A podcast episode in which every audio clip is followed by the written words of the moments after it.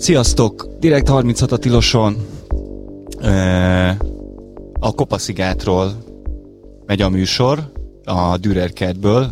Tilos maraton van egész héten. Gyertek ki, buli van, tök jó a hangulat, szép az idő, jól néz ki a hely, és megy a Tilosnak az adománygyűjtése. Minden infót megtaláltok a tilos.hu-n. Nézzétek meg, de mindenkinek ajánlom, hogy ejtse útba. És a mai témánk, négyen leszünk, mindannyian a direktből, itt van velem Panyi Szabolcs, a direkt újságírója. Várj, be, beadlak téged is. Oké. Okay. Panyi Szabolcs. Sziasztok. Ez az Szabó András. Üdvözlöm a hallgatókat, sziasztok. és Szöke Dániel. Sziasztok. És arról fogunk, én pedig Sáling Gergő vagyok, és arról fogunk beszélgetni, történt egy-két érdekes fejlemény, ami egy korábbi, vagy hát egy visszatérő témánk, a újságírók megfigyelése, de egy kicsit olyan szempontból fogunk beszélgetni az egészről, hogy hogyan működik a magyar média környezet, hol van ebben a, vagy a kommunikáció, tömegkommunikáció, hol van ebben a szerepe a kormánynak, hol van a szerepe az újságíróknak, és illetve amikor nem a nyilvánosság előtt megy a kommunikáció politikusok és újságírók között, akkor, akkor ez milyen, mennyiben tér el attól, mint, ami, mint amit a nyilvános felületeken látunk. És az egésznek az apropóját, több apropója is van a beszélgetésnek, de a Szabolcsnak most jelent meg egy cikke, ami, ami ebben a témában szerintem egy egészen új, új vetületet hozott. Elmondott Szabolcs, hogy mi volt a sztori? Még a Telex írta meg 2020-ban, még mielőtt maga az oldal elindult volna, még csak egy Facebook oldalként létezett ilyen embrió állapotban a Telex, amikor volt egy olyan értesülésük, hogy a külügyminisztérium az arra utasította az Európai Unióban működő magyar nagykövetségeket, hogy küldjenek egy napos határidővel jelentéseket arról, hogy magyar újságírók az adott fogadó országba, tehát mondjuk itt a Franciaországba, Hollandiába, Finnországba, milyen olyan szakmai programokon, workshopokon ö, vettek részt, amit az adott állam szervezett nekik. És ö, hát én ekkor sejtettem már, hogy elég sokat utazgatok külföldre, és volt 2020 januárjában egy utam Amsterdamba és Hágába, amit a holland külügyminisztérium szervezett, és hát én úgy sejtettem, hogy erről is készülhetett egy jelentés, úgyhogy én nagyon kíváncsi voltam, hogy mit írtak rólam, illetve milyen jellegű ilyen táviratok érkeztek összességében. És hát elindult egy, egy közérdekű adatkérés, amit hát lehet tudni, hogy ezek hogyan végződnek, visszautasították, úgyhogy utána perre mentük a, a Társaság a Szabadságjogokért segítségével, megszereztük ezeket a, vagy hát megszereztük egy részét ezeknek a diplomáciai táviratoknak, amiket válaszként küldtek, és hát valóban volt benne egy olyan, sőt kettő is, ami a, az én holland utamról szólt. Na és milyen botrányos dolgok derültek ki a táviratokból? Hát leginkább az, az derült ki, ami, ami botrányos, és kicsit lépjünk vissza, tehát hogy a diplomaták, vagy a közszolgák, a bürokraták azok nem a kormánynak lennének a szolgái, hanem a köznek. Tehát nekik valamilyen módon pártfüggetlenül kéne ellátniuk a feladatukat. Ehhez képest az derült ki ezekből a táviratokból, hogy amikor úgymond független újságírók vagy kormánykritikusnak tekintett újságírók mennek külföldre, akkor olyan jelentések születnek, hogy nem tudom, milyen az Orbán kormányal kritikus kinti szerkesztőségeket látogatnak meg, milyen olyan személyekkel beszélnek, akik korábban milyen csúnya dolgokat mondtak Orbán Viktorról, stb. Sőt, az is kiderült ebből a hollandiai jelentésből, hogy a hágai magyar nagykövet, ő sürgősen, vagy hát haladéktanul találkozót kezdeményezett a holland kormányjal, nem fejtik ki, hogy miért, de elég egyértelmű a kontextusból, hogy akart valahogy tiltakozni az ellen, hogy ilyen utakat szerveznek magyar újságíróknak. Ez van az egyik oldalon, a másik oldalon pedig az is kiderül, hogy ha kormánypárti jobboldali újságírókról van szó, akkor ezek a magyar nagykövetségek aktívan segítenek megszervezni nekik mindenféle találkozókat. Szödösi Györgynek a, a magyar nemzet, ö, mi az? Magyar nemzeti sport? Nemzeti sport. Nemzeti sport főszerkesztőnek például a Mundo Deportivo spanyol ö, országos sportlap szerkesztőségében szerveztek egy ilyen kirándulást. Tehát teljesen egyértelműen azok a magyar közszolgák, akiknek pártatlanul kéne ellátni a feladatukat, monitorozzák, hogy mit csinálnak a kormánykritikus újságírók, miközben tevékenyen segítik a kormánypártiaknak a mindenféle külföldi útját. Oké, okay, menjünk bele egy kicsit mind a két részletbe, mert szerintem érdekesek a körülmények. Ugye, ha jól emlékszem a cikkre, vagy jól értem, akkor ugye itt az van, hogy ezek a jelentések azután indultak, hogy erre, e, e, erről információt kértek a a nagykövetségektől, tehát hogy is mondjam, ez nem egy önszorgalom volt, hanem, hanem itt a kormány kezdeményezett. Így volt? Igen, tehát a Szijjártó Péternek az egyik bizalmi embere Mentszer Tamás, volt sportriporter, ő ilyen kommunikációs guru ott a külügyben, ő az, aki bekért ilyen jelentéseket, és ezekből az derült ki, hogy vannak olyan nagykövetségek, ahol igazából rutinszerűen már régóta monitorozzák, hogy milyen kapcsolat lehet mondjuk a magyar és a szlovén újságírók között, ez egy létező uh, példa, és vannak olyanok, akik hát így próbálták így letudni uh, ilyen minimális energiabefektetéssel a dolgot, hogy nem tudunk ilyen látogatásról, stb. A kedvencem az a párizsi magyar nagykövet uh, volt Károly György talán, a Károly Nemesi családnak a tagja, aki hát az én értelmezésem az volt, hogy kicsit ilyen trollkodásszerű jelentést írt, hogy a, nem tudom, az európai cirok termesztésről szóló agrárkonferenciára, nem tudom, az Agrofórum újságírója utazott ki, és akkor ilyeneket sorolt fel, teljesen egyértelmű, hogy nem ez érdekli ugye Szijjártóikat, de mégis egy ilyen jelentést adott le. És hát vannak, akik túlkompenzáltak, tehát például a Jubjanai idéglenes ügyvivő, az nem tudott beszámolni semmiféle olyan útról, amire rákérdeztek, de így elkezdett találgatni, hogy a Magyar Narancs és a Mladina nevű baloldali szovélap között vajon milyen titkos együttműködések lehetnek.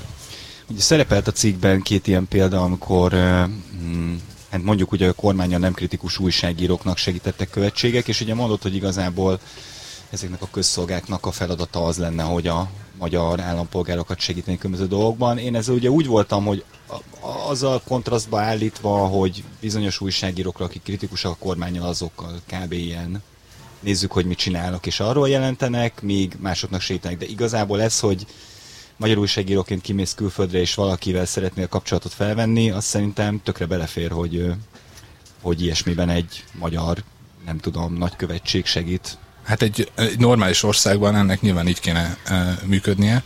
Hát szerintem, hogyha egy, egy független magyar újságíró elmegy külföldi országba, akkor nem kér már így reflexből segítséget a helyi magyar nagykövetségtől, mert akkor igazából annak annyi lenne a következmény, hogy kicsit hosszabb lenne az a távirat, ami részletezi az ő útját, és kicsit több információ szerepelne benne arról. Jó, és mi értelme van ennek az egésznek? Ugye végül is nem derül ki semmi, hogy is mondjam, terhelő, érdekes, igazán izgalmas ezekről az utakról. Miért, miért kíváncsi vajon erre a kormány? Szerintem a, a, a legérdekesebb ebben a sztoriban az, az, az, hogy mennyire kicsinyes az egész. Tehát, hogy, hogy igazából semmi tétje nincs ezeknek az utaknak. Tehát itt, akik ülünk, szerintem mindannyian nagyjából vettünk már részt hasonló utakon, tök kellemes, tök jó találkozni külföldi kollégákkal, de hát, hogy semmi olyan nem történik itt ezeken az utakon, ami a magyar diplomácia, a magyar nemzeti érdek, a magyar nemzetbiztonság szempontjából érdekes lenne, tehát teljesen pinf az egész. És, és ugye ezt, ezt úgy adják el ezek a, a, ezek a diplomaták, akik a jelentéseket küldik, mintha próbálják kicsit felturbozni, beleraknak ilyen jelzőket, hogy a kormány kritikus, nem tudom milyen szerkesztőségben látogattak, mintha valamiféle ilyen, ilyen összeesküvés lenne, tehát próbálnak megfelelni igazából annak a, a, a hírigénynek, amit ugye ők kaptak, én ja, ma Mencet Tamás is ugye fölmondta ezzel kapcsolatban a szokásos jelszavakat, hogy Soros György finanszíroz médiakurzusokat baloldali újságíróknak, érzékenyítő kurzusokat, szakmai utak, hogy oda ne rohanjak, valami ilyesmit mondott, de hogy akkor mégis mi értelme? Tehát azért ebbe energiát öltek, ők a külügyminisztérium megkérdezte ezeket a helyeket, nekik erre válaszolni kellett, miközben nem derül ki semmi, és végül is ugyanezt lehetne nyomni e, e, nélkül az energiabefektetés nélkül is. Pontosan, tehát a jelentésekben nagyjából az derül ki, hogy a nem tudom, 11 nagykövetségről érkeztek jelentések, a 11-ből kb. 9 az, vagy mondjuk, igen, 9 az arról számol be, hogy semmi érdemi, vagy, vagy semmiféle olyan út, olyan úton nem került sor, ami, ami iránt mentszerék érdeklődtek. Tehát van, van egy nagyfokú paranoia, hogy itt tényleg valamiféle ilyen izé, soros hálózat működik. Én, én azt olvasom ki ebből az egész sztoriból, hogy valamilyen szinten ők maguk is elhiszik, amit mondanak, hogy tényleg itt ilyen érzékenyítő kurzusok, Soros György, nem tudom micsoda, miközben a saját diplomatáik ugye azt jelentik le, hogy hát nem nagyon tudnak semmi ilyesmiről beszámolni. Mm. A, egy, egy másik olvasat a sztorinak, hogy, hogy miközben itt megy a folyamatos aggódás, hogy a szegény magyar újságírók milyen rossz állapotban a, a magyar média, stb. Hát csak kiderül, hogy, hogy közben meg ezek a európai országok, amik néha, nem tudom, kiadnak valami közleményt, semmiféle tevőleges módon még csak, még csak egy ilyen workshoppal se segítik egyébként a, a szabad magyar sajtót. Nem mintha kellene, de hogy, hogy, hogy azért érzek itt egy, egy, egy fokú ilyen, nem tudom, képmutatást. Ugye egyikért az szokott lenni, hogy de hát, hogy ezeket az utakat, mit tudom én, nagykövetségek finanszírozzák, és akkor azok ugye állami szereplők, vagy mit tudom én, a kormányal kritikus alapítványok, és akkor ez egy beleszólása a, a, a nem tudom, magyar belügyekbe. Ugye tényleg szerintem mindannyian voltunk hasonló úton, előfordult-e, hogy titeket megkörnyékeztek, nem tudom, valaki oda ment hozzátok politikai üzenetet szeretett volna átnyomni. Persze tudom, hogy ezt most nem fogjátok bevallani, de mégis. Nem volt ilyen. Nem volt? Nem. Uh, ugye általában ezek az utak olyanok, hogy nem, nem egy országból vannak csak újságírók, tehát nem csak magyarokat visznek ki, hanem mondjuk van egy ilyen nemzetközi társaság.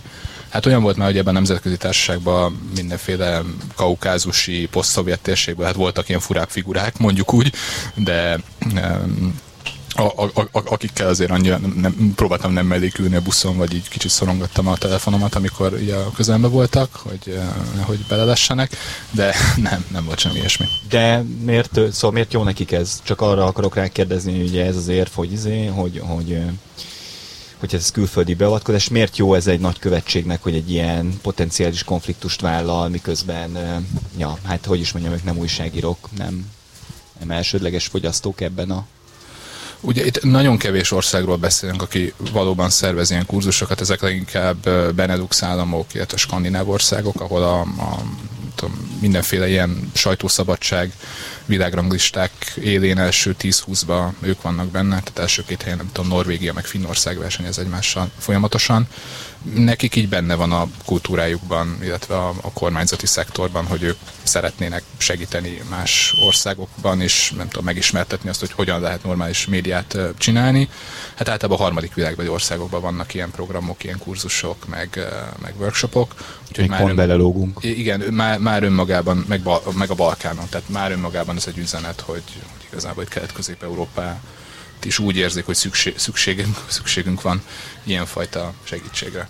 Szerintem a tetsziked az tök szépen összecseng azzal is, amit aztán most talán múlt héten mondta a Kocsis Máté, hogy... Hogy uh, héten volt az. A héten az volt? Igen. Hogy is volt pontosan? Emlékszel, András? Én előkeresem. E, igen, ugye azt mondta, hogy számba kéne venni a külföldről finanszírozott civileket, médiát, akik veszélyeztetik az ország szuverenitását, ha vannak ilyenek, mondta a Telexnek, kicsit kicsit megengedően.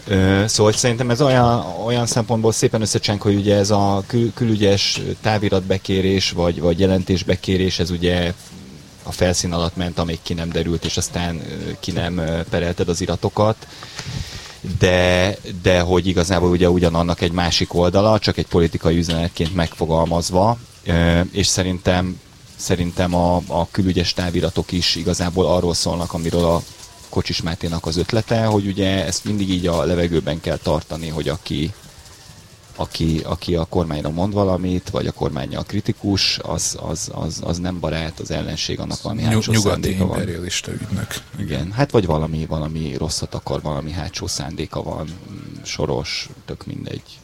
LMBTQ valami. De hogy szerintem azért ennek van a munkátokra egy ilyen egy ilyen hmm, hát hogy is mondjam, egy ilyen, egy ilyen nyomasztó hatása a források oldaláról, és, és és ugye mindannyian foglalkoztok politikával, illetve ugye a Dani írt korábban a koronavírusról, és szerintem mindegyik sztoriban előkerül, vagy így szépen látszik, ahogy így, ahogy így ez egyre jobban befagyasztja a viszonyokat, és, és ez még csak 12 évesen sem egészen így volt. András, te, te hogyan rekonstruálod a, ezt, a, ezt az érdekes váltást ebbe a nagyon kemény hideg télbe? Igen, ezeket mindig elég, elég, elég nehéz így megélni, meg, meg feldolgozni, meg ugye nyilván nehéz ilyen fideszes fejekbe belelátni, miről, miről pontosan mit, mit, mit gondolnak. Én, én azt látom, hogy korábban még a régi Origo régi indexben, amikor még ugye nem, nem kormány közeli tulajdonban voltak ezek a ezek a lapok, és ezekben a lapok, lapoknál dolgoztam, akkor Fideszre mindig, mindig is zár, jellemző volt egyfajta ilyen zárkozottság, meg egyfajta ilyen fél, félkatonai hangulat, de ö, ekkoriban lehetett azért ö, a Fidesznek a politikusaival beszélgetni, ö, nekem több olyan forrásom volt, akár ilyen fél tucat Fideszes forrásom, akivel hetente, két hetente rendszeresen találkoztunk, ö, akár beültünk egyet kajálni, ö, már beszéltük, ö, átbeszéltük az aktuál politikai dolgokat, tehát amikor még az Origo meg a Fidesz nem volt, nem volt övüké, akkor valamennyire talán még az ő részükről is volt egyfajta egy nyitottság, hogy, hogy beszéljünk, ők, nekik fontos volt, hogy üzeneteiket eljutassák, fontos volt, hogy, hogy, hogy bizonyos dolgokról beszámoljanak. Én azt gondolom, hogy még ezek a, ezek a politikusok a saját fontosságukat is próbálták ezekkel,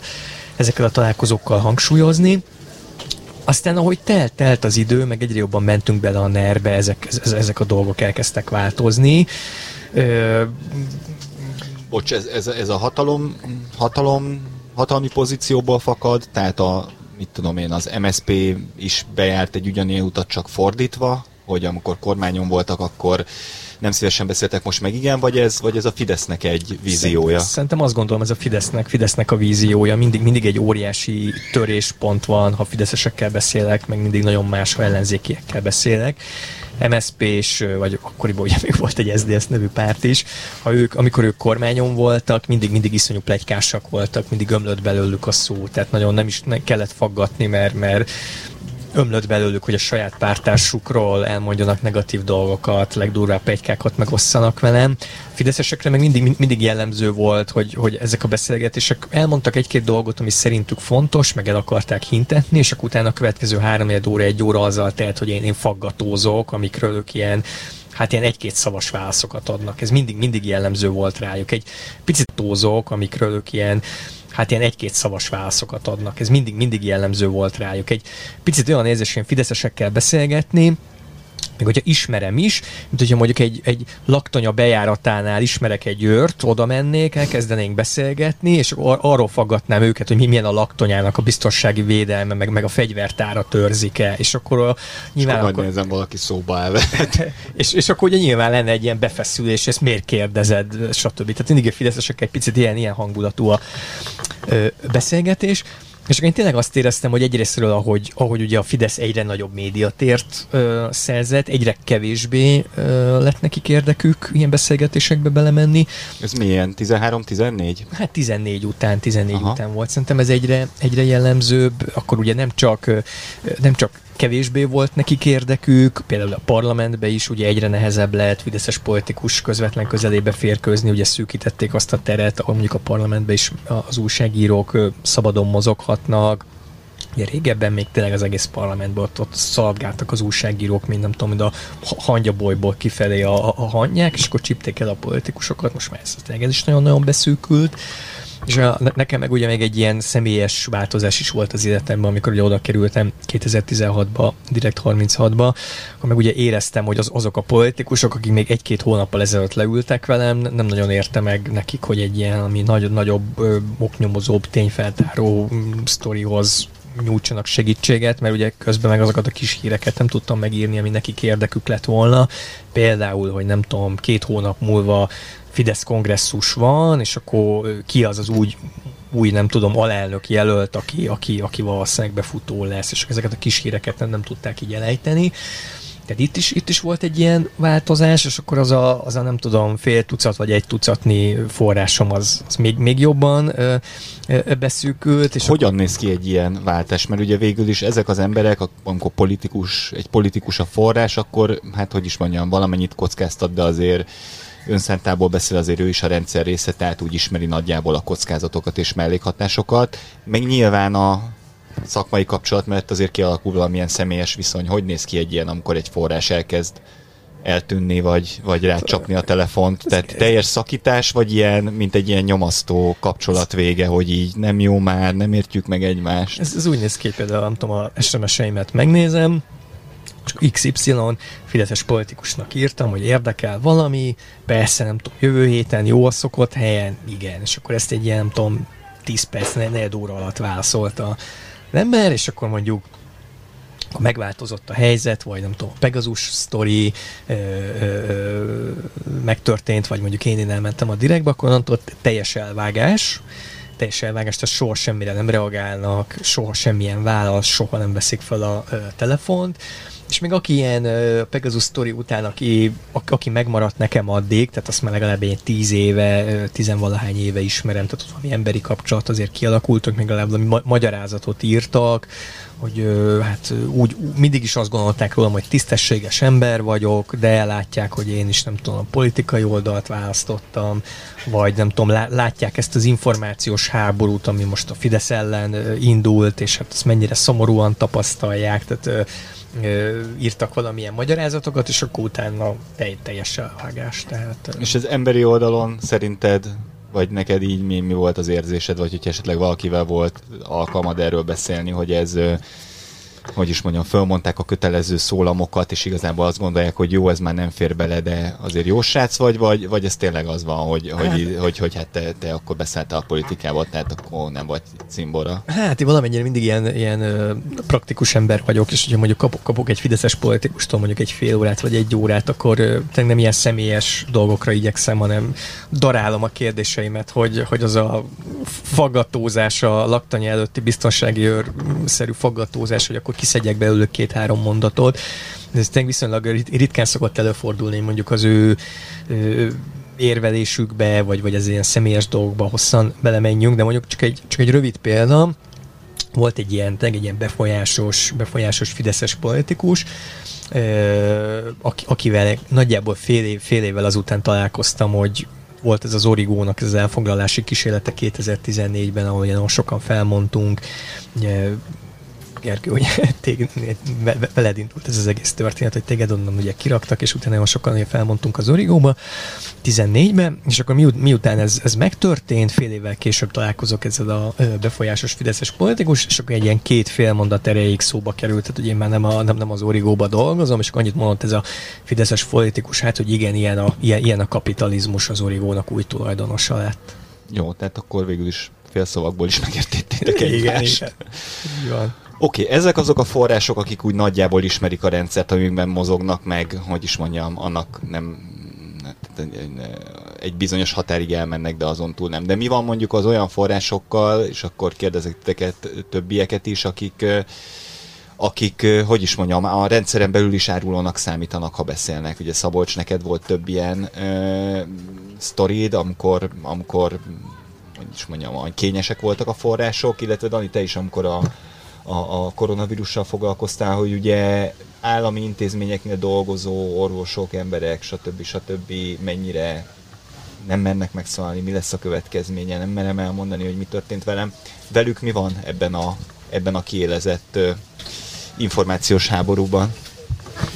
Nekem az volt a tapasztalatom, amikor a koronavírussal kapcsolatos cikket írtuk, a, annak a cikknek az volt az alapvető um, célkitűzése, hogy, hogy emberi történeteket mutassunk be, és ne, ne arról beszéljünk, hogy a politika mit hol rontott el. Nyilván az emberi történetek mögött is ott van ez, de, de nagyon szerettünk volna emberi történeteket mutatni, és, és ez egy nagyon nagy merítés volt, akiket megkerestünk, vagy próbáltuk felvenni a kapcsolatot, hogy, hogy meséljék el a saját történeteiket, amiből végül ilyen tízes nagyságrendben sikerült tényleg beszélni emberekkel az emberek egy része, mondjuk, mondjuk egészségügyi dolgozók, akikkel beszéltünk, ők, ők elzárkóztak ebből, és azt mondták, hogy alapból ők, ők bizonyos szabályok miatt nem is beszélhetnek erről.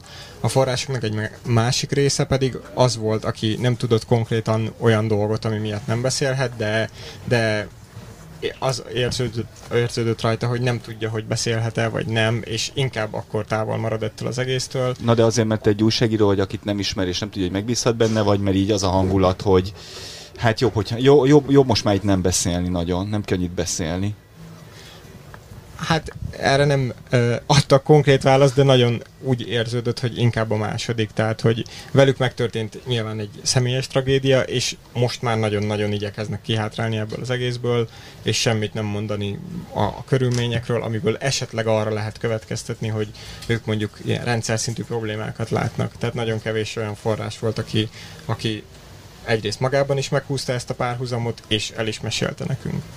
Nektek is volt a Virguzsival egy, egy hát igazából több cikk a, izé a járványkezelésről, és ugye ott is ez egy állandó probléma volt, hogy ugye, állami vonalról információt szerezni nem lehetett.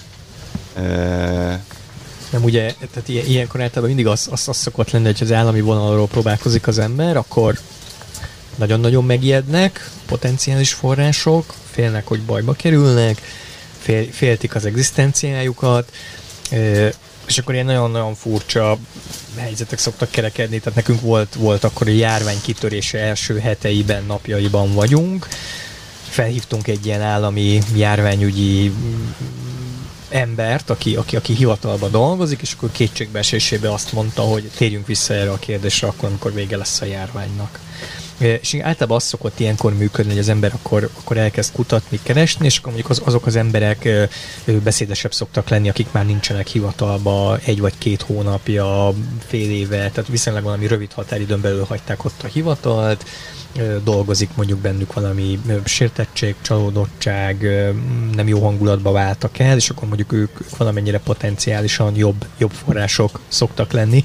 De még hogyha visszakanyarodhatok a ilyen Fidesz, Fidesz, Fidesz közeli világra, nekem az is, az is érdekes, hogy ez, tehát az elmúlt években annyira, annyira nincs kapcsolat szerintem a kormánytól független újságírók és, és kormányzati figurák között, hogyha meg is történik ilyen kapcsolatfelvétel, arra annyira ügyelnek ezek a kormány, kormány közeli figurák, hogy nehogy, nehogy, nehogy ez kiderüljön, hogy, hogy tényleg szinte már nagyon-nagyon-nagyon kínosan ügyelnek erre, és akkor van ilyen konspiratív körülmények között kell találkozni, nem tudom, est, este egy, egy, egy, egy kivilágítatlan parkban, akkor van olyan, van olyan fideszes figura, aki, aki tényleg megbánta, hogy, hogy, a, hogy a saját hivatalába találkoztunk, ott, ott mondta a munkatársainak, hogy legközelebb, ha én keresem, akkor valami nagyon-nagyon-nagyon távoli ö, ö, helyre kelljen menni.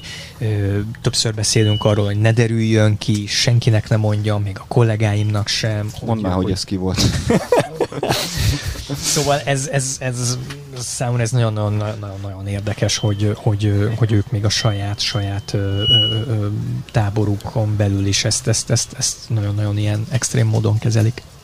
Ide csak lenne nekem is egy sztorim, ez pár évvel ezelőtt volt, amikor egy, egy miniszterrel volt egy háttérbeszélgetésem, ami egy, hát egy konferencián, egy nagyobb konferencián volt, annak apropóján egy helyen voltunk éppen, és akkor a hivatalosan, tehát a sajtósain keresztül szerveztem ezt le, és azt kérték, hogy a konferencia egy hotelben volt, és a hotelnek volt egy alaksor, ahol voltak ilyen szobák, ahol lehetett vonulni ilyen, tudom, ilyen kis csoportos beszélgetésekre, és így megkérték, hogy én, én így menjek le fél órával előbb, hogy legyek ott a szobába, hogy senki ne, ne lássa véletlenül se, fotók készültek, meg videók, tehát hogy se, senki ne lássa azt, hogy én itt a miniszterrel egy légtérbe vagyok, és esetleg nem tudom, van köztünk valami uh, interakció.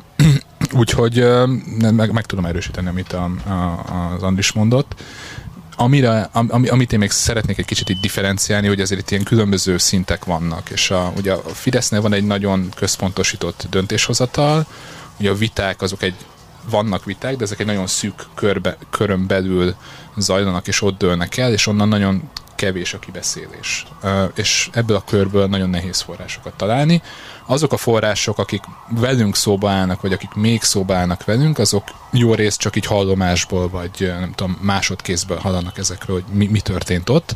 Tehát eleve már, akihez hozzá tud férni az ember könnyebben, vagy, vagy nem olyan nehezen, már, már ők is, hogy is mondjam, ők is így ilyen, ilyen hát nem bolygók, meg nem napok, hanem ilyen, ilyen aszteroidák, amik, vagy nem is tudom, ilyen, ilyen, ilyen meteorok, amik ott így valahol a, a szélén a galaxisnak így vannak. És a másik dolog, amit akartam mondani, hogy hát a, ezt, ezt egy volt minisztériumi forrásom hasonlata, volt, hogy az ő minisztérium az, az olyan, mint az egy akkori egyiptomi társadalom, van fönt a fáró, alatta van a papikaszt, és akkor alatta 70-80 százalék a rabszolgák, akik ugye tartják a vállukon az egész társadalmat, és, és gyűlölik, mint a szart az ő saját vezetőiket, és ugye ők azok, akik adott esetben Uh, hát nem azt mondom, hogy, hogy világnézeti meggyőződésből, de, de, de hogy valamiféle lelkiismereti okból inkább hajlamosak beszélni velünk, és hát ők azok, akiknek a, hogy is mondjam, a, a biztonságát, az egzisztenciáját nekünk a leginkább meg kell védenünk, és azért mindenféle megfigyelgetések, meg egyebek, azok hát az én fix ideám az az, hogy, hogy az arra vonatkozik, hogy megpróbálják kideríteni, hogy kik ezek az emberek, akik nekünk információt adnak, és igazából őket próbálják meg ellehetetleníteni.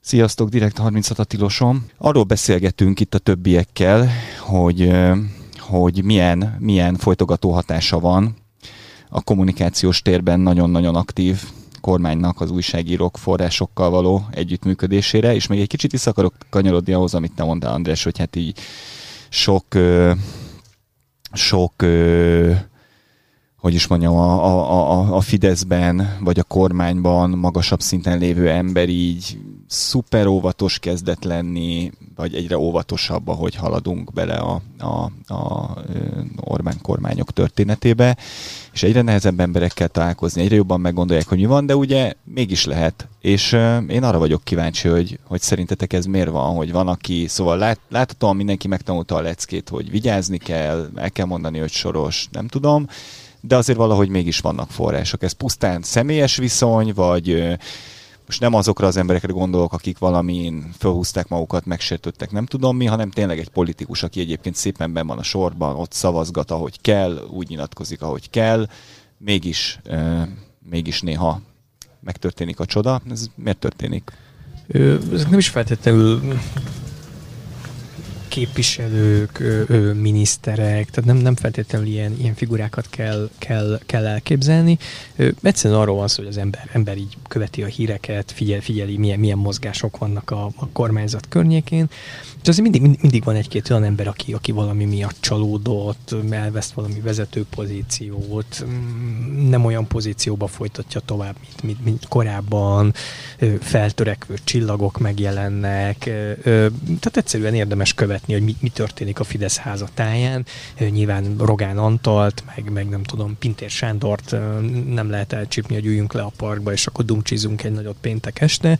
De mondjuk egyébként ebből emlékszem arra tökre, amikor a, a Lázár János elkezdett befutni a tízes években, és hogy mennyire, hát mondjuk úgy, hogy jobba volt az újságírókkal, mennyire imád beszél, imádott beszélgetni. Igen, igen de, ez, de ez, ez, még, ez még valóban tényleg ez a 2014 előtti ö, időszakban volt, ott a Fidesznek tényleg az erős emberei, de még, de még akkor Rogán Antal is ö, szervezett ö, ö, X újságírónak, 8-10, nem tudom, amennyi újságírónak háttérbeszélgetéseket, akik nem a, nem a, a kormánypárti médiáknál dolgoztak, tehát még 2014 előtt azért, azért jellemző volt, hogy a Fidesz, Fidesz erős emberei ö, ö, tartották a kapcsolatot ö, ö, újságírókkal, Lázár Lázár Jánosra is tényleg jellemző volt, hogy, hogy meg, megtalálta az újságírókat.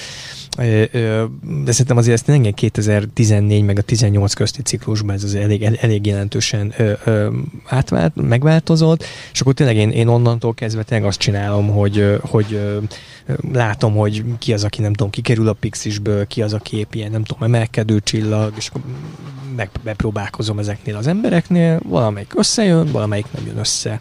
És ezek, tényleg ezek a források, ezek állandóan változnak, tehát tűnnek el, mint mondjuk nem tudom, az embernek a kedvenc zenekarai, most más zenét hallgatok, mint öt évvel ezelőtt, tehát ezek, ezek a források ugyanígy, ugyanígy mozognak, és tűnnek fel új figurák. Tehát ezen aktívan dolgozni kell, hogy Én ha az... izé felég egy híd, akkor újat építeni, Én azt gondolom, hogy igen. járni. Igen, igen. De legalábbis nálam így működik. Szabolcs?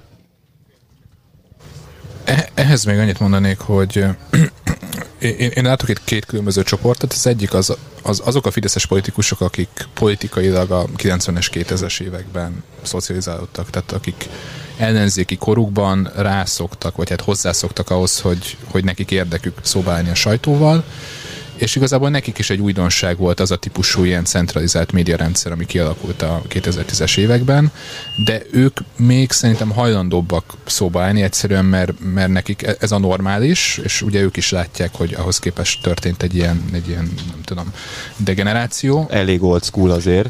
Viszont, viszont vannak ezek az ilyen ifjú, ifjú fideszesek, ezek az ilyen, nem tudom, harmadik vagy már negyedik generáció, akik tényleg 2010 után szoktak bele abba, hogy ők politikai akármiként, csicskaként, középvezetőként nekik hogyan kell kommunikálniuk a médiával, és ők ugye már arra szoktak rá, hogy, hogy nekik van egy propaganda médiájuk, és igazából csak az kell, a, a független újságírók pedig ellenségek. Na hát ők, ők, egy, ők egy külön állatfajt képviselnek.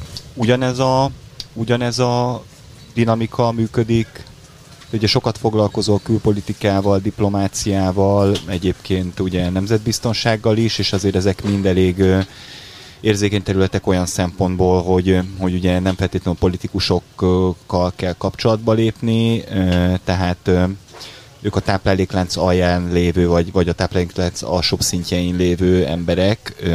Ott is ugyanez a dinamika, hogy így óvatosak, de azért csak van, vagy, vagy, vagy azt még jobban sújtja ez a, ez a, ez a megosztó kommunikáció, vagy ez a, ez a kijelölő stratégia, amit a kormány folytat a médiával szemben? Ez, e, ez változó, tehát mondjuk pont a külpolitika vagy a, vagy a nemzetbiztonság területén a, a, a politikusok igazából, amennyire látom, nem nagyon értenek ahhoz, ami azokhoz a területekhez, ami rájuk van bízva, ugye főleg mióta ugye Szijjártó Péter a külügyminiszter, mi azokhoz a területekhez, ami rájuk van bízva, ugye főleg mióta ugye Szijjártó Péter a külügyminiszter, nagyon sok hullámba kirúgtak jó szakembereket, diplomatákat, és hát ugye vannak ezek a futszalos haverok, azt hiszem ez a jelző szerkezet, amit használnak arra a rendkívül fiatal és a, nem a diplomáciában tapasztalatot szerzett, eh, de nem tudom, jól passzolgató eh, fiúkra és lányokra, akik oda bekerültek. Én, én nem gondolom, hogy ha én mondjuk nem tudom, valami kicsit bonyolultabb, mondjuk nem tudom, orosz kémkedéses sztoriról akarnék írni, akkor tőlük olyan nagyon sok hasznos információt tudnék eleve kiszedni. Oké, okay, de a többieket mennyire sújtja ez a, ez a nagyon megosztott, van, tehát hogy van, ellenség, igen. jó barát?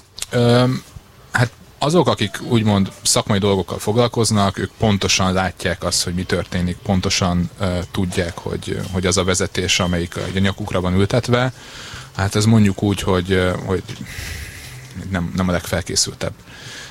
És ez frusztrálja őket. Ami különösen frusztráló mondjuk egy diplomatának, vagy akár mondjuk egy nemzetbiztonsági tisztnek, szakembernek, amikor azt látják, hogy szakmailag felkészületlen, akár bármiféle háttér nélküli emberek egyszer csak bekerülnek a rendszerbe, és hármat ugranak előre a ranglétrán.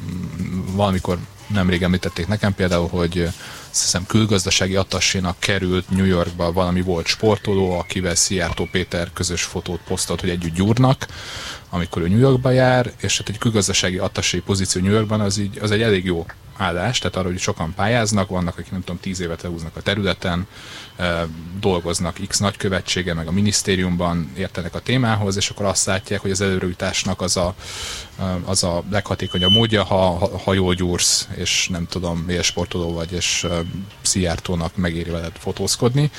Emiatt ezekben az emberekben nyilván van egy frusztráció, és nyilván ők hát inkább kiadják ezt magukból úgy, hogy mondjuk egy újságíróval leülnek beszélgetni, mint, mint az, aki, aki ott gyúr Szijjártó mellett a, a nem tudom milyen New Yorki edzőteremben.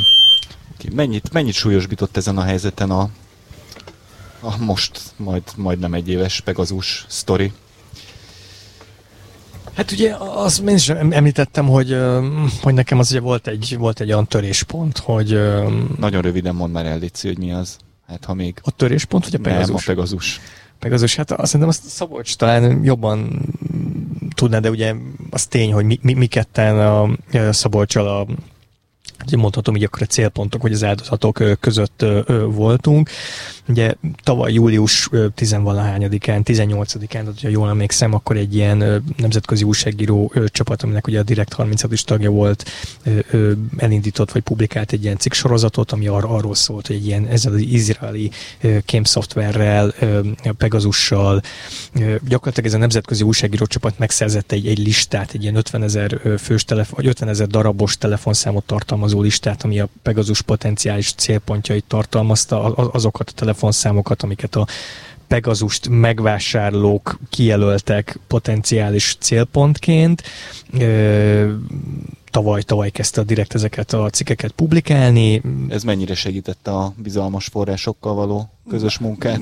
Hát nekem, engem, engem konkrétan nem, nem, nem annyira segített, pedig én még ilyen rutinosan próbáltam is utána várni néhány hónapot az első cikkek megjelenése után, hogy nem, nem egyből azért a következő héten próbáltam fideszes forrásokat elérni, amikor az ősz, ősz környékén próbálkoztam először, és hát egy-két kivételtől eltekintve mindenki úgy, mint egy ilyen forró krumplit engem úgy kezelt. Szabi? Voltak, voltak Hopp, már köszönöm, köszönöm, hogy visszakaptam a szót. Volt, voltak érdekes beszélgetések, tehát fölhívott például egy, egy régi forrásom, aki a, a miniszterelnök környékén dolgozott viszonylag hosszabb ideig, és hát úgy így nevetve kérdezte egy telefonba, hogy hát akkor, akkor, akkor, akkor, akkor mikor mi beszéltünk, akkor ezt azt is, és akkor nem tudom, és akkor mondtam, hogy igen, és akkor így nevetett, meg nem tudom micsoda. Ő már így nincs benne a rendszerbe, tehát úgy így kívül, kívülről néz erre az egészre, és hát ilyen elég szánalmasnak találta például. Um, hát vannak nekem is olyan forrásaim, akik nem csak, hogy nem állnak velem azóta szóba, hanem mondjuk nem tudom, milyen sértegető dolgokat uh, uh, vágnak, vagy vágtak a, fejemhez. Hogy nyilvánvalóan látsz, hogy uh, sosem voltatok jóba? Hát, ezt nehéz megmondani, mert, mert igen, tehát van például olyan forrásom, akivel nem tudom, évekkel ezelőtt meg egy hétfőn kávézunk, elmond dolgokat, nagyon csúnya dolgokat mond a saját pártársairól, aztán utána ad egy, ad egy interjút, ahol rákérdeznek egy cikkre, amit én írtam, amiben volt olyan információ, amit ő adott, és akkor te hülyéz engem. Tehát van, van ez a típusú ilyen, ilyen színjáték, meg, meg, meg színház, eh, de nyilván egy ilyen, egy ilyen pegazusos sztori után mondjuk egy ilyen, ilyen illető is, hogy is mondjam, hát így eh, jobban érzi a kockázatát annak, hogy, hogy ilyen kettős beszédet így folytathat-e, mert akkor ott van az ő agyában is, hogy, hogy hát akkor lehet, hogy eljut a főnökéhez, vagy a nem tudom melyik feletteséhez, hogy hát ő valójában, valójában adott információkat, vagy nem tudom. A legnehezebb azt megmondani, hogy, hogy mi az, ami, ami, ami azért nem történt meg, mert hogy volt ez az egész Pegasus sztori. Tehát, hogy kik azok az emberek, akik amúgy megkerestek volna engem, vagy amúgy felvették volna a telefont, de, de konkrétan emiatt nem veszik fel. Tehát ezt mindig nehéz megmondani de én is, ha, ha ez a kérdés, én, én is biztosan veszítettem forrásokat, viszont, viszont voltak olyan történetek, voltak olyan tippek, amik pont a, a Pegasus story e, miatt valahogy estek be, tehát emberek direkt megkerestek amiatt, vagy, vagy olyan emberek, akikkel a, a, story, a sztorik írása közben találkoztam, ők segítettek hozzá később bizonyos más típusú információkhoz, amikből szerintem jó kis cikkek születtek. Mondjuk azt is azért nehéz volt. Már egy picit uh, mehet azt is azért nehéz volt szétszálazni, hogy ugye Pegasus tavaly, tavaly nyáron kezdtük el publikálni a, a cikkeket, és azért ősztől már nagyon erős volt szerintem a választási kampánynak az előszele, meg a, meg a Fidesz nagyon készülődött a választásokra, és akkor meg aztán ez a félkatonai szervezetben működő, nagyon-nagyon fegyelmezetten mozgó figurák, aztán még, még, még jobban befeszültek, hogy nehogy még véletlenül is rontsák a Fidesznek a választási esélyeit. Tehát nekem például volt egy olyan Fideszes forrás, aki először nyár kör, tél környékén, január, január környékén így belement, belement egy beszélgetésbe, és akkor pár nappal később pontosítottuk volna az időpontot, meg a helyszínt, akkor, akkor felhívott telefon, és akkor kitáncolt az egészből, hogy mondta, hogy hát jönnek a választások, hajlamos hülyeségeket beszélni négy szem közt, meg, meg háttérбeszélgetésen, és nehogy ezzel is a Fidesznek a választási esélyeit roncsa, ő figyelmezett, fegyelmezett pár katona inkább, inkább nem akar velem leülni, találkozni. Tehát ez a, a, csak azt akarom ezzel mondani, hogy egy picit nekem így egybefolyt, hogy a Pegazus miatt is fideszesek valamiért ők érezték magukat meg, megsértődve velem, velem szembe, pedig lehet, hogy fordítva logikusabb lett volna, és akkor meg, meg ugye még erre rájött ez a, ez, ez a választási kampányos dolog, amikor, amikor meg aztán tényleg a fideszesek nem akartak, nem akartak semmit szivárogtatni, és kényelmetlen dolgokról beszélni. Oké, de most azon túl, hogy okoz egy ilyen törést az információellátási láncban egy ilyen sztori, mint a Pegazus, illetve nyilván személyesen ez nyomasztó, amikor megtudod, hogy rajta vagy egy ilyen listán, de azért, tehát ti azt hogy látjátok, hogy egyébként ezen túl azért ezek regenerálódnak, ezek a, az információs csatornák, vagy itt azért lehet olyan sérüléseket szenvedni, ami, ami nehezen vagy nem kiheverhető? Én ezt még nem annyira, nem annyira látom tisztán, talán azt érzem, hogy valami, valami igen, valami nem ugye nekem ez nagyba, nagyba függ attól, hogy épp milyen sztorin dolgozom, tehát most valószínűleg talán amikor közeljövőbe tervezem, hogy egy, egy sztorival kapcsolatban végig akarom zongorázni az összes ilyen, ilyen kormány, kormány közeli ö, forrásomat, amit már, már tényleg viszonylag egy idő után nem, nem, idő óta nem tettem meg, úgyhogy most majd jobban-jobban el fog válni a dolog. Én még nem annyira látom át az összes, az összes kormány közeli figuráról, akiről, akit, akit ismerek, hogy ez most örök, örökre szóló harag volt, vagy pedig csak egy fél órás harag volt-e, vagy egy fél éves harag volt-e a Pegasus Story ez nem csak az újságírókról szól, tehát a, az egész projekt az úgy volt felépítve, hogy az első nap, az első cikkek azok ö, egyértelműen arra fókuszáltak, hogy a világon, nem tudom, majdnem 200 újságírónak a, a, a telefonját megfertőzték ezzel a cuccal, de aztán később ugye Magyarországon is ö, volt több olyan történetünk, a, ahol a célpontok teljesen egyértelműen kormányzati figurák voltak, tehát ugye Aszódi Attila, Paksi bővítésért felelős államtitkár, volt egy másik államtitkár, Weingartner Balázs, a Teknek a második embere, Áder János testőrei, Orbán Viktornak a volt külpolitikai főtanácsadója. Ezekből a sztorikból szerintem azért elég, elég egyértelmű volt az, ami egyébként plegykaként is visszajött nekem, hogy a fideszes források azok kevésbé attól féltek, hogyha ők most újságíróval beszélnek, akkor az újságírókat lehallgatják, inkább attól, hogy hát vajon a saját ember, tehát a saját köreiken belül kik azok, akik eh, rajta lehetnek egy ilyen, egy ilyen megfigyelési programon. Oké, okay. még egy dolgot szeretnék bedobni, visszatérve, visszatérve egy kicsit a Kocsis Máténak a nyilatkozatához a, a, a külföldi érdekeket szolgáló civilek és média, ö, ö, média szervezetekre. Ugye azt is mondta, elmondta, hogy szerintem mik azok az ismérvek, amik, amik alapján definiálni lehet, hogy kiesik ebbe a kategóriába. És ugye három dolgot mondott, ha jól emlékszem, hogy állami pénzen kívánnak szert tenni közéleti befolyásra, ö, nagyvállalati tőke oldali befolyást próbálnak szerezni, vagy titkosszolgálati eszközökkel próbálnak beavatkozni. Ugye a Pegazus a kormány részéről hát végül is egy hasonló húzás, mint ez a legutóbbi. Ugye a nagyvállalati tőke oldali beavatkozásról, beavatkozást is láttunk a médiában, tehát este kell korábban kritikus vagy független független média cégek és lettek szépen besorolva, illetve hát ugye az állami pénzen szerzett befolyás is, tehát kicsit olyan volt, mint a Kocsis Báté azért így leírná a, a, a kormányzati média stratégiát is ezzel a három dologgal. Most mit lehet tenni újságíróként egy ennyire kifordított világban, ahol igazából azt olvassák a fejedre, ami pont nem te csinálsz, és közben mégis ezekkel az emberekkel szóba kell állnod, és, és reakciókat kell tőlük szerezned, vagy, vagy adott esetben komoly információkat. Ugye erről egy picit beszéltünk a táviratok kapcsán, hogy itt van, aki elhiszi ezeket a dolgokat, van, aki nem. Szerintetek hogyan állunk a, a, a, a teljes befordulás szempontjából? Tehát itt, itt mennyire uralkodik a józanész, mennyire van az, hogy ilyen politikai szólamok vannak, és, és akkor aki követi az ügyes, aki pedig nem, az nem. Szerintem ez nagyon-nagyon vegyes, tehát ezek a négy szemközti beszélgetések, amikor kormányközeli figurákkal leülünk, itt azért ezek nagyon-nagyon másképp néznek ki, mint ezek a hivatalos nyilatkozatok. Nem mondom, hogy teljesen őszintén feltárulkoznak ezek a kormányközeli fideszes figurák, de azért másképp beszélnek, sokkal jobban kiemelik a rájuk nézve, mármint a Fideszre nézve kritikus dolgokat, kellemetlen dolgokról is beszélnek, ami felt, nyilvánosan teljesen elképzelhetetlen fideszes figuráktól, hogy rájuk nézve kellemetlen dolgokat mondjanak el, tehát ezek teljesen mások.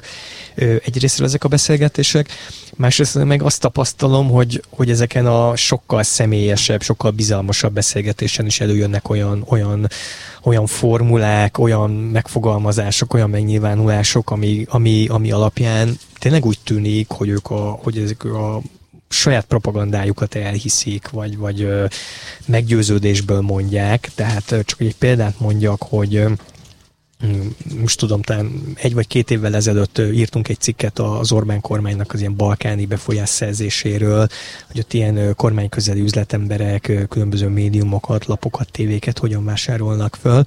És akkor ilyen fideszes figurával leültem ezt átbeszélni, hogy mégis itt mi a logika, mi motiválja a kormányt, szerettem volna megérteni, hogy mi, mi, mi áll ennek az egésznek a hátterében. És akkor ilyen természetesen az első öt perc, amíg belementünk volna a lényegbe, ő elkezdett sorosozni, ez a figura, hogy hát azt csinálja az Orbán kormány, amit Soros György is, ahogy Soros György ő médiákat vásárol, Magyarországon médiumokba szerez befolyást, úgy ugyanezt csinálja a magyar kormány is, és ott egy ilyen nagyon komoly ö, sorosozásba kezdett, amit én először ér, értetlenül néztem, hogy itt csak ketten vagyunk, most miért kell, miért kell a, nem tudom, Orbán kormány ö, tizenvalahányadik évébe ö, sorosozni, vagy tizedik évében, de ő ezt, ezt, ezt látszódott, hogy ő ezt, ezt, ezt komolyan gondolja. Szavi? Ja, bocs. Neked mi a tapasztalatod? Mennyire, mennyire, mennyire mennek át a propaganda üzenetekbe felé, és mennyire inkább ez csak egy ilyen politikai, praktikus termék, amit nyomni kell, és aztán egyébként meg négy szem közt. Oké, okay, oké, okay, hát nem ugyanott állunk, de, de, de jó srác vagy. Van ez is, az is. Én, én azért inkább a, a, az okos, de cinikus emberekkel szoktam beszélni, velük van értelme, tehát akik így, nem tudom, hogy összemosoljunk, és akkor így tudjuk, hogy mi ez a játék. Igen, igen, soros ügynök vagyok, igen, te meg nem tudom, Putyin ügynöke vagy, és a többi, jó, akkor térjünk rá a, a tárgyra. De, de vannak, vannak, vannak, tehát ez szerintem főleg parlamenti képviselők között, tehát azok között, az olyan figurák között, akik nem a szakértelmük, hanem a lojalitásuk miatt vannak ott a Fideszben már, már jó ideje, hát ők nem a, nem a legélesebb kések a fiókban, azért mégis egy minisztérium működtetéséhez, a kormányzat működtetéséhez, ahhoz kellenek nem tudom, skillek, meg tudás, meg, meg nyelvtudás, meg ilyesmi, az, hogy valaki parlamenti képviselő jön, az talán kevésbé. Szóval én itt látok egy, egy, egy ilyen típusú ilyen, ilyen megosztottságot, meg itt is van egy generációs dolog, tehát uh, fura mód, pont itt is az idősebbek azok, akik, akik én, én azt látom, hogy hát egy kicsit normálisabbak, hiszen ők ugye tapasztaltak egy más típusú politikát, tehát ők, ők pontosan értik, hogy ez kommunikáció, de ugye vannak azok a, a táplálékrenc alján lévő fiatalok, akik ugye nagyon szeretnének feljebb jutni, és ők azt látják, hogy ha egy ilyen megafonos beszélő fejé tudsz válni, az, az hozza meg neked a sikert, és hát ők így internalizálják is ezt a típusú szöveget, amit tolnak.